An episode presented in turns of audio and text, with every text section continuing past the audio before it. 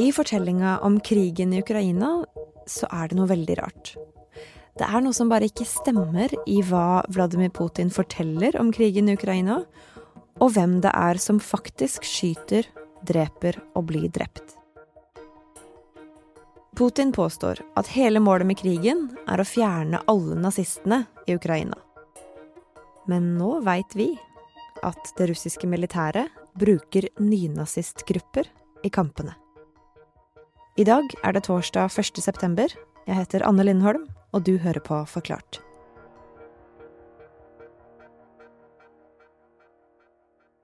Helene Skjeggestad, du møtte en mann som heter Jan Petrovskij i fjor. Hvem er det? Ja, altså Jeg hadde fått en intervjuavtale med Jan Potowski i St. Petersburg i mars 2021. Og vi avtalte å møtes på et offentlig sted, en, en restaurant. Jeg kom en time for tidlig for å se liksom hvilket sted det var, og hvor det var fint å sitte. Men da satt Jan Potowski allerede klar. Han satt eh, innerst i lokalet. På sin høyre side så hadde han eh, godt trent venn, og han hadde en pistol i beltet. Eh, det var Vi begge to la to båndopptakere på det runde bordet. Han hadde med sin egen? Han hadde med sin egen, og så begynte han å snakke om livet sitt. Og hva var det han fortalte? Petrovskij er født i Irkutsk i Russland. og Så flytta han til Norge som 16-åring, da mor hans gifta seg. Og han fortalte om en sånn fin barndom i Norge, egentlig. En relativt problemfri integrering. Og at han var veldig aktiv som ungdom. Han drev med sykling, fjellklatring og snøbrettkjøring. Eh, men det som var veldig viktig for han, eh, var særlig én lidenskap som kanskje skiller han litt fra mange jevnaldrende. Han var veldig opptatt av historie, og han mener at det finnes et bånd mellom Skandinavia og den nordlige delen av Russland. At uh, de to delene av verden da har en felles fortid. Og han sier at han har en hedensk tro, altså en nordisk tro, og at han representerer en nordisk rase. Jeg er uh, en person som støtter nordisk, nordisk rasen. Og videre så sier han at han ønsker å kjempe for å beskytte denne rasen og kulturen. Og at for mange mennesker så høres det kanskje rasistisk ut, men at han pleier å si at det er et mangfold i verden, og mangfold er viktig å bevare. Det fins forskjellige farger, forskjellige raser, men hvis du blander dem, så er det ikke mangfold lenger, mener han. De som kaller meg for en nynazist eller rasist, de har jo sitt eget mening, og selv om jeg er uenig med dem, men de har jo sitt eget mening. Jeg er min hva vil du kalle deg selv, da? Nordmann. Nordmann, ok. Og han fant uh, et miljø med lignende tanker rundt uh, tatoveringsstedet Metal Tattoo i Oslo. Et sted som senere har blitt omtalt som et samlingssted for norsk-russiske nynazister. Hva har historien til Jan Petrovskij med Ukraina å gjøre? Ja, nå må vi tilbake ganske mange år, eh, helt til når krigen i Ukraina egentlig starta. Petrovskij har jo tette bånd til Russland, og i 2013 så satt han hjemme, eh, som han sier sjøl, på sofaen og spilte PlayStation. Eh, men han så òg TV-bilder fra Maidan-plassen i Kiev. Og først så sier han at han likte tanken på at det, det ukrainske folket reiste seg mot eliten.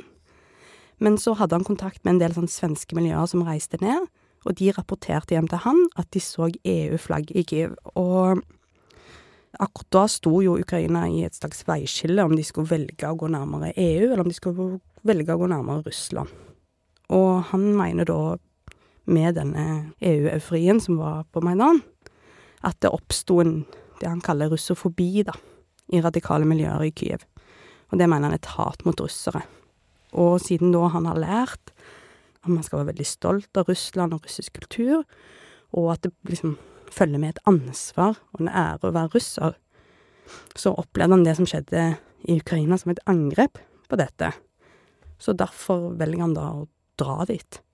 Eh, han drar først, ifølge han sjøl, da, til St. Petersburg og slår seg sammen med en kompis som skal bli ganske viktig, eh, Aleksej Mitsjakov.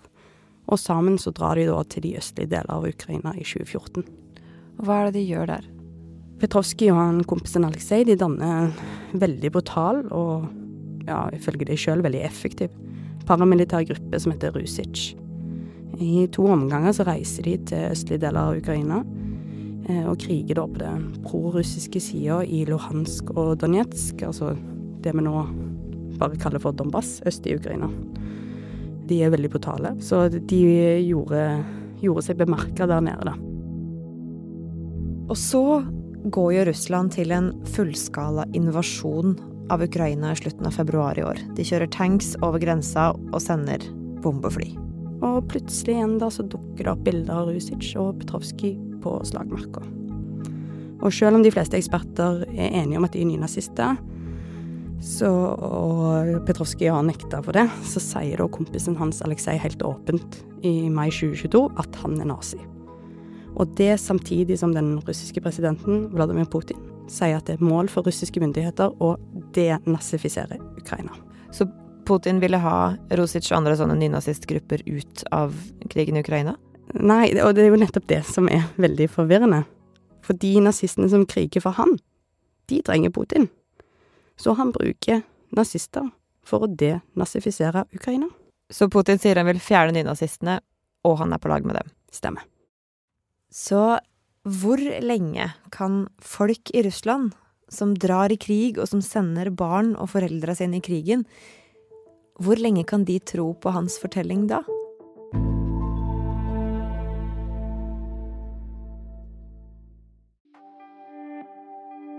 Da jeg var korrespondent i Russland fra 2019 til 2021, så var det et konstant mas om andre verdenskrig i Russland. Og jeg er historieinteressert, men altså, selv en historiker kan bli lei. Og det var som om Putin-regimet hadde et sånn helt umettelig behov for å snakke om kampen mot nazistene og den store russiske seieren. I tillegg så var det hele tida sånn små omkamper om deler av andre verdenskrig, som når den starta og hvem som gjorde hva, som gjorde at jeg rett og slett ble ganske lei hele temaet. Men eh, nå, da, i etterpåklokskapens lys, så viste det seg jo at det var akkurat denne kampen mot nazistene og kunsten altså om å skrive om historien som blei hele grunnlaget og bakgrunnen for den fullskala invasjonen av Ukraina. Så nå skjønner jeg jo hvorfor de hamra på budskapet om kampen mot nazistene i ja, de siste ti årene. Ja. Ja, fordi nå var jo liksom kampen mot nazistene så godt etablert i Russland at han brukte det som hovedbegrunnelse, eller unnskyldning om du vil, den 24. februar. For det var jo så masse nazister i Ukraina som de måtte fjerne. Og siden da så er det mange mennesker som har dødd. Det er vanskelig å finne sikre tall, men FN anslår at 5500 sivile har blitt drept i Ukraina. Og i forrige uke så sa sjefen for militæret at de har mista 9000 soldater. På russisk side så har vi tall som Aftenposten har regna seg fram til, basert på dødsannonser og begravelser, og det er i hvert fall over 3000. Og de russerne som dør, de får militære begravelser. Min eh, kollega Per Anders Johansen har eh, siden krigen brøt ut fulgt med på russiske sosiale medier og lokalaviser for å prøve å liksom få et inntrykk av hvor mange russere som egentlig dør. Dette er jo ikke tall eller informasjon som russiske myndigheter ønsker skal sive ut. Men en dag da han satt og lette, så kom han over en offisiell militær begravelse. Man ser for seg et korps som, eh, som står og spiller, som kommer fra et av Russlands viktigste militære utdanningsinstitusjoner. Det står en æresvakt der, og representanter fra den mektige ordføreren i St. Petersburg har levert kondolansebrev, og ordføreren i distriktet er òg til stede. Og så gis ordet da til den russisk-ortodokse presten, og han sier noen ord. Så gir han ordet til norsk-russiske Jan Petrovskij. Det var han du møtte i 2021. Det var han som hadde kommet tidlig på restauranten og satt med pistol i beltet, og er en mann ekspertene ikke nøler med å kalle en nynazist. Og da sier da Petrovskij hans død er eksempel for fremtidige krigere. Nå har portene i Valhall i sannhet åpnet seg for ham. Her vil han gå inn med ære og tapperhet, og vi vil møte ham der en dag. Da skal vi samles ved det samme bordet og feste. Leve Russland. Ja, så i en russisk offisiell militærbegravelse så fikk en som ikke kaller seg nynazist, men som er i ledelsen til en nynazistisk gruppe, holde tale? Ja, nettopp. Og det mener ekspertene viser at disse gruppene har nå blitt integrert i liksom, den russiske krigsmaskinen. Og egentlig så viser dette noe veldig interessant med, med hele Putin-perioden.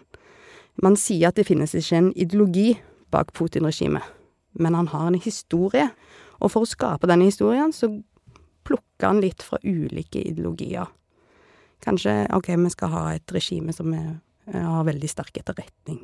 OK, kanskje vi skal ha et regime med litt liberale ideer på økonomi. Og kanskje jeg skal ha et regime med litt sånn tradisjonelle verdier, med litt sånn innslag av, av høyreekstreme. Så gjennom de siste 20 årene så har han på en måte miksa sammen disse ideologiene litt som det passer han på ulike tidspunkt. Og dette med høyreekstreme grupperinger og innslag av nynazister, de har liksom vært litt inn og ut av varmen, men de har aldri vært helt varme. Men nå ser vi jo da at han har plukka ekstra mye fra den hylla i ideologienes supermarked, da. Så det har vært en slags, ja, hva skal man si, en dans mellom Putin-regimet og de som tilhører det ekstreme høyre, da, i, i Russland. Det har vi òg sett de siste månedene. For eksempel så er det en representant til nasjonalforsamlingen som har gått offentlig ut og kritisert Petrovskij og Rusic. Han skal òg ha bedt russisk påtalemyndighet om å etterforske gruppa fordi de er så brutale.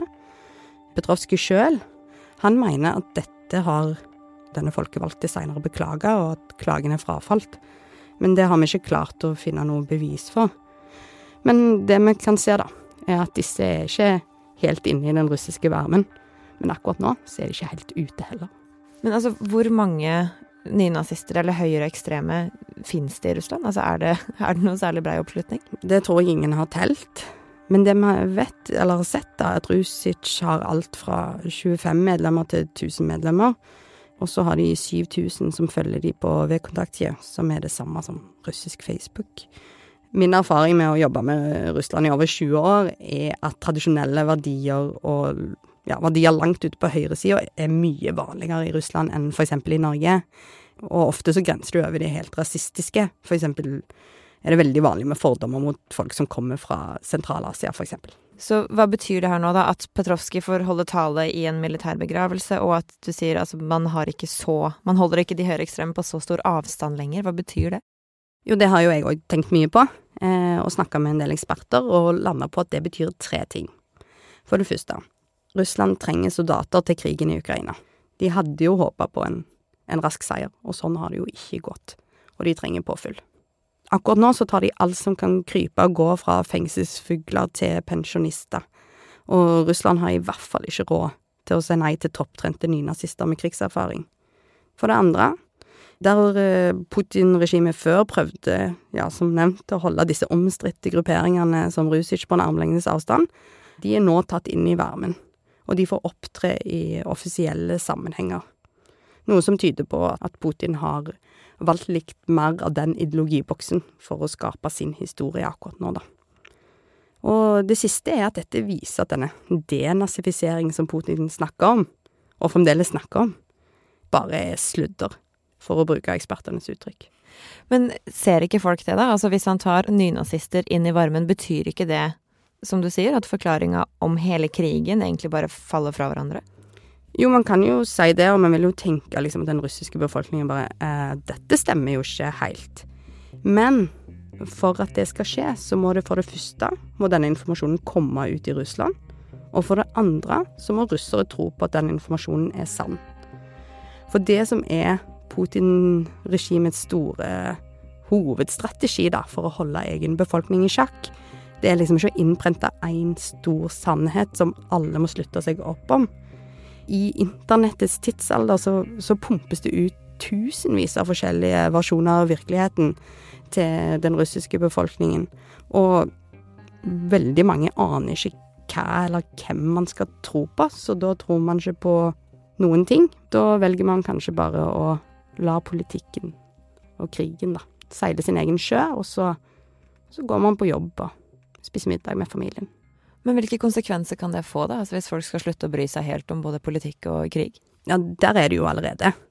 Og det jeg så som korrespondent, var jo et samfunn fullstendig uten et samfunnslim, altså noe som binder russere sammen. Men det store spørsmålet nå er jo om det finnes noe som kan vekke denne russiske samfunnsånden, sånn at man kan liksom begynner å se at det begynner å bli varmt under beina til Putin. Foreløpig er det ikke så mye som tyder på det, men man får jo se da om økonomi eller noe sånt kan føre til at de russere finner mer sammen, da. Men ja, foreløpig da, så ser egentlig bare forskerne at krigen blir mer og mer brutal. Og det gjelder kanskje de mest brutale grupperingene. Når jeg har snakka med forskere som følger disse dag til dag, de har sett at deres oppdateringer i sosiale medier har en større og større grad av frustrasjon over at denne krigen egentlig ikke går så bra. Og det forskerne frykter da, er at disse grupperingene skal bestemme seg for å ta saken i egne hender og foreta da den rensingen av ukrainerne som de har snakka om. Og da våger ikke jeg å tenke på hva som vil skje hvis de slipper løs uten kontroll i små ukrainske landsbyer.